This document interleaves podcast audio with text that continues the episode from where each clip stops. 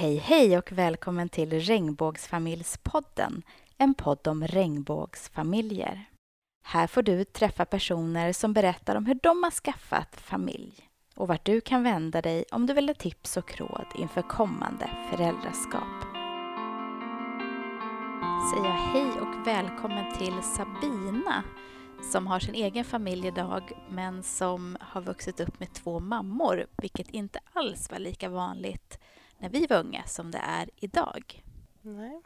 Och det ska vi prata lite mer om i dagens avsnitt. Men vi börjar med att lära känna dig lite mer. Vem är Sabina?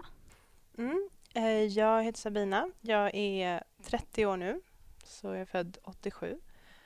Eh, Och jag eh, har två barn, bor på Ingarö, pluggar till fysioterapeut på Karolinska. Och hur ser din familjekonstellation ut? Det är... Jag hade mm, två mammor från början som eh, bodde i Göteborg. Eh, Bestämde sig för att skaffa barn eh, och frågade då sin bästa kompis om han kunde hjälpa dem med det. Och så, så fick de varsitt barn då med knappt två års mellanrum. Så det var vi, fyra, ett tag. Eh, Fyra år ungefär. Och sen eh, splittrades familjen så det, det, jag kommer inte ihåg någonting från det, utan det jag kommer ihåg är ju att jag har vuxit upp med min mamma och hennes flickvän i, eh, ja, först i Linköping och sen i Skarpnäck. Eh, samt att jag har haft mina två systrar mestadels i Borlänge.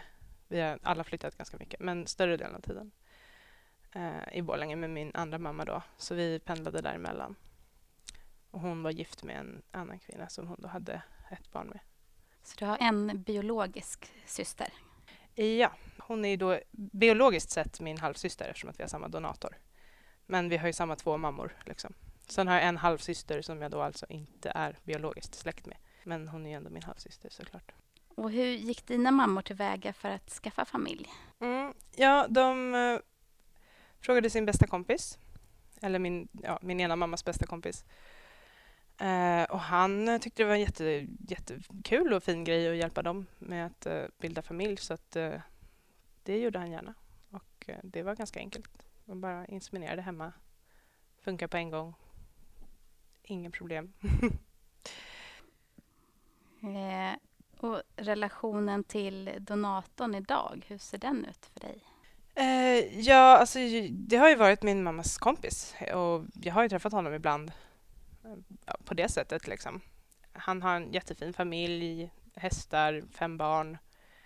Eh, så vi har väl umgåtts med dem sådär lite sporadiskt, träffats någon gång om året kanske och sådär. Eh, jag tycker att det är jättekul att ha en relation till honom och även för det biologiska har det varit kul ibland att se likheter både i utseende och temperament och liksom, det är roligt att se. Eh, men det har ju aldrig varit någon så här pappa pappa-dotter-relation alls. Liksom.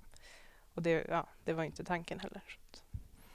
Om man tittar på dina mammors val att välja just det här sättet att bli föräldrar, vad, vad känner du inför det? Mm. Det fanns ju inte så många andra sätt. Det var ju liksom det.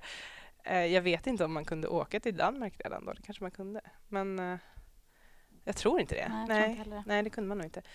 Det, det kanske USA, jag tror inte det heller faktiskt. Det var, fanns i alla fall ingen som helst annan möjlighet för dem. De hade inte ekonomin, de var 23 typ. Eh, hade inte ens knappt jobbat särskilt mycket. Och liksom, det var inte, alltså, de hade ingen ekonomi, ingen utbildning, ingenting. Så även om det hade funnits det system det fanns idag så hade de inte blivit godkända. Eh, så det var ju liksom verkligen enda sättet. Och jag tycker att det var ett jättebra sätt. Eh, för att för oss funkade det ju liksom helt konfliktfritt. Sen kan jag ju i efterhand när jag har pratat med många andra familjer se att det hade kunnat bli annorlunda. Mm. Alltså det var ett väldigt riskabelt sätt för kvinnor att skaffa barn på. För han hade ju för det första all rätt att kräva delad vårdnad, faderskap, alltihopa. Eh, vilket han inte gjorde och det var ju liksom en självklarhet för dem. Men det kanske inte skulle varit det för alla andra. Mm. Så att jag kan ju se nackdelar med det. Absolut, det är inte så ett generellt idealiskt sätt. Liksom. Mm. Men för oss var det jättebra. Mm. Om man tittar på just den risken som du pratar om, det här med lagen om närstående adoption. Den gick ju inte igenom. Den gick igenom när jag var 16. Ja. Och det var ju ett förarbete till den som vi följde väldigt intensivt. Och jag vet att innan min ena mamma gifte om sig, eller hon var ju aldrig gift med min mamma för det var ju inte tillåtet, men hon gifte sig senare med en annan. Men innan dess, om lagen hade gått igenom då, så hade de förmodligen gift sig och adopterat trots att de var separerade, bara för att få bli juridiska föräldrar till sina barn. Eh, men nu gick inte den igenom förrän hon redan hade varit gift i fem år och hade en dotter med henne. Så Lovisa, min yngsta syster, har ju två juridiska mammor. Mm. Eh, till skillnad från oss äldre syskon. Då. Mm. Hur känns det? Alltså, det, det kändes väl lite sådär läskigt då, när jag var 16, men nu, jag tycker inte att det spelar så stor roll. Liksom. Eh, och det beror ju också på att vi har väldigt liksom, konfliktfritt i vår familj. Allt det här spelar ju bara roll om det blir en konflikt. Annars så löser man ju det inom familjen. Liksom. Så att för mig känns det helt okej nu. Det, det, gör ingenting. Liksom. Men eh, det, det jag tyckte var intressant med det var ju att eh, då var det liksom en jättestor fest att man fick adoptera sina egna barn. Att det var så här, wow, äntligen. Eh, och sen bara tio år senare så började man höra så här, fan, vi måste adoptera våra egna barn.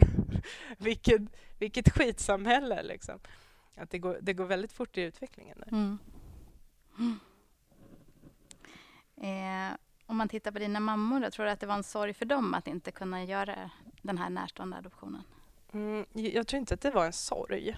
Det är nog fel ord. Det var ju liksom inte en känslomässig grej. Det var ju mer kanske lite en oro för vad som skulle kunna hända om en av dem dog innan vi blev myndiga, till exempel. Mm. men nu är det ju inte liksom...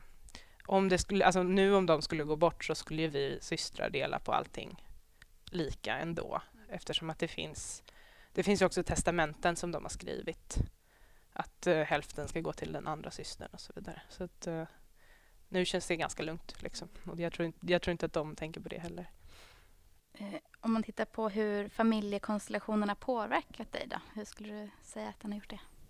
Um, hur den har påverkat mig som person? Det främsta man kan säga är väl att jag har blivit alltså, mycket mer utbildad inom det här. Fått upp ögonen för hur, hur det kan se ut. Eh, satt mig in i väldigt mycket så här, olika familjekonstellationer och vad det finns för risker och liksom och såklart mycket mer normkritisk kanske än andra i min generation och sådär. Så det kan jag nog säga är den största delen. Om man tittar på fördelar med att ha växt upp då med ja, fyra mammor kanske man kan säga då. Eh, mm. Eh, hur skulle du säga att det har varit? Alltså fördelen överhuvudtaget med att ha föräldrar som haft problem med att få barn är ju att man har varit väldigt eh, eftertraktad. Eh, och också att det liksom är en mycket mer så medveten och vad heter det? En familjekonstellation som är liksom lite speciell och kanske lite så mer sammansvetsad på ett sätt. Mm. Just för att det var så här, samhället är emot oss, så vi måste lösa det här själva. Det tror jag kan vara liksom en fördel, att det finns en väldigt trygghet i att vi litar på varandra. Uh, men menar, så kan det såklart se ut i en heterofamilj också, men kanske inte i alla heterofamiljer. Det är, så här, det är större risk att det liksom blir ja, lite hipp som happ. uh, men...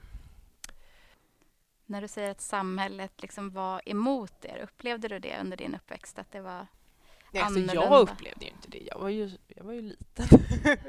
jag tänkte inte på det när jag var liten. Men eh, jag tänker just att det här att det blev en faderskapsutredning eh, och man var tvungen att säga att vi vet inte vem pappan är. För annars skulle han få skyldigheter och det, det, så skulle man inte kunna göra mot sin bästa kompis. Det fanns liksom inte på kartan. Utan man är ju tvungen att ljuga och hitta på en historia och alla visste att det var så man gjorde och alla vänner var med på det. Det blev en väldigt så här, sammanhållning i det. Att nu måste vi gå emot den här myndigheten som tyvärr inte kan acceptera oss som vi är. Mm. Uh, och det var helt accepterat att göra det. Så ser det inte riktigt ut idag, upplever jag. Utan nu är det mer så här, alltså man kräver att myndigheterna inte ska vara emot. Och så var det inte då. Alltså då ställde man inte det kravet på Försäkringskassan. Eh, för det fanns liksom inte ens på kartan ännu. Utan det var mer så här, okej, okay, de kan inte acceptera oss. Hur ska vi förhålla oss till det? Eh, och sen så hittade man ett sätt utifrån det. Liksom. Men nu är det mer, man måste, alltså lagarna måste funka för oss. Och det är, det är bra att det har blivit så. Mm. så det var ju jobbigt med separationen såklart. Eh, men de löste det jättebra. De kom överens och det var ju inte liksom några det är ju där det hade kunnat bli stora konflikter om de inte hade varit överens eftersom att de tekniskt sett var två ensamstående mammor som råkade bo ihop enligt liksom, lagen. Och det, men nu blev det inga problem sådär. Så det... Hur var det med avstånden då? För de flyttade ganska långt ja, ifrån varandra. Ja, det var ju också jobbigt såklart. Men det kan ju andra också göra. Alla gånger vi har flyttat från Göteborg till Umeå, till Linköping, till Stockholm och till Borlänge. Alla gånger har ju varit beroende på deras utbildning och jobb. De kom in på psykologlinjen, kom in på någon sjuksköterskelinje, barnmorska, eh, ja, flytta till där det fanns jobb och så vidare. Så det, det är ju sånt som händer alla liksom. Mm. Mm. Hur var det liksom för dig att välja vart du skulle bo någonstans? Hur funkade det? Ja, alltså i början valde vi ju inte. Utan de valde att eh, barnen skulle få bo hos varsin förälder. Eh, och det är många som har reagerat på att man skiljer ju inte syskon åt. Men det berodde mycket på att jag och Miranda bråkade väldigt mycket tror jag. Eh, och sen såklart att det var enklare juridiskt för att de hade bara vårdnaden om varsitt barn. Eh, men jag, jag, tror att det hade mest att göra med att de tänkte att det var bäst för oss. Eh, och sen när Lovisa föddes och när hon var ett och ett halvt, två, så började jag känna att jag ville bo där för att umgås med henne. Liksom. Så då flyttade jag upp till Borlänge ett år. Eh, Eh, och det, det var ingen som sa emot när jag sa att jag ville göra det, så det gick bra. De uh, ordnade ju då så att uh, min mamma i Stockholm betalade underhållsstöd, som man brukar göra. Liksom. Uh, så det... det är klart att det, det, var ju perioder då jag tyckte det var jobbigt att, att jag inte kunde umgås mer med dem som jag inte bodde hos. Liksom. Mm. Särskilt min syster. För det, när hon började komma upp i tonåren så hade hon liksom en period då hon alltid var med kompisar. Så jag kom dit då var tredje helg bara och då var hon oftast inte ens hemma. Och då, då kände jag mig lite så här ledsen att jag inte hade mer tid med henne. Liksom. Men, mm. Hur stor åldersskillnad är det mellan er? Nästan två år. Två år. Alltså lite mindre än två år. Och din yngsta? Hon är då tolv år yngre än mig. Mm. Hur upplevde du att det var att gå på förskola och skolan till exempel? Fick du mycket frågor över din familj? Och... Mm, nej. Nej, det fick jag inte. Det var ingen som tyckte det var konstigt.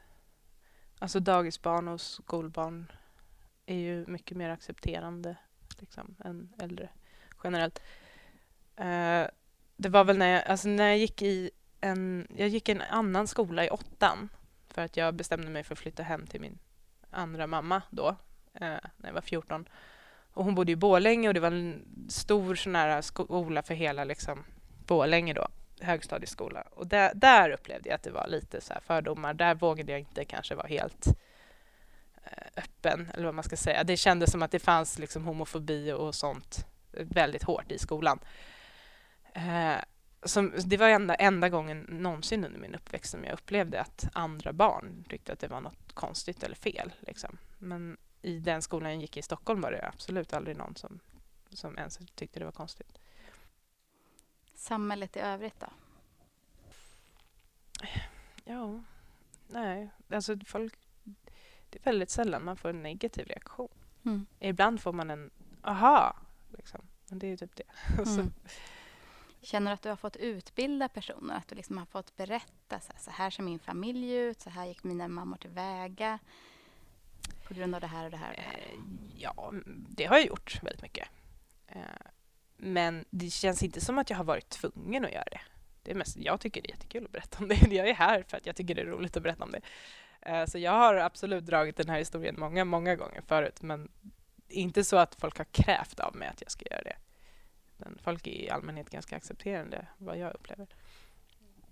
Om man tittar på familjen och hur de har liksom format dig som person. Jag kan tänka mig att för alla är det inte helt självklart och för alla liksom, har man inte föräldrar som vågar stå för er ordentligt ut mm. så kan det vara svårt. Hur, hur har liksom... Det är såklart jätteviktigt mm. alltså för barnen att föräldrarna är hundra procent öppna mm. hela tiden, mm. överallt. Uh, för är de inte det, då, då utstrålar de en osäkerhet om sin egen läggning och situation och liksom sina val. Och det går ju såklart över i barnen. Så det är absolut som tips till andra. det är jätte, jätteviktigt. Och det har mina föräldrar gjort, alltså 100 procent hela tiden.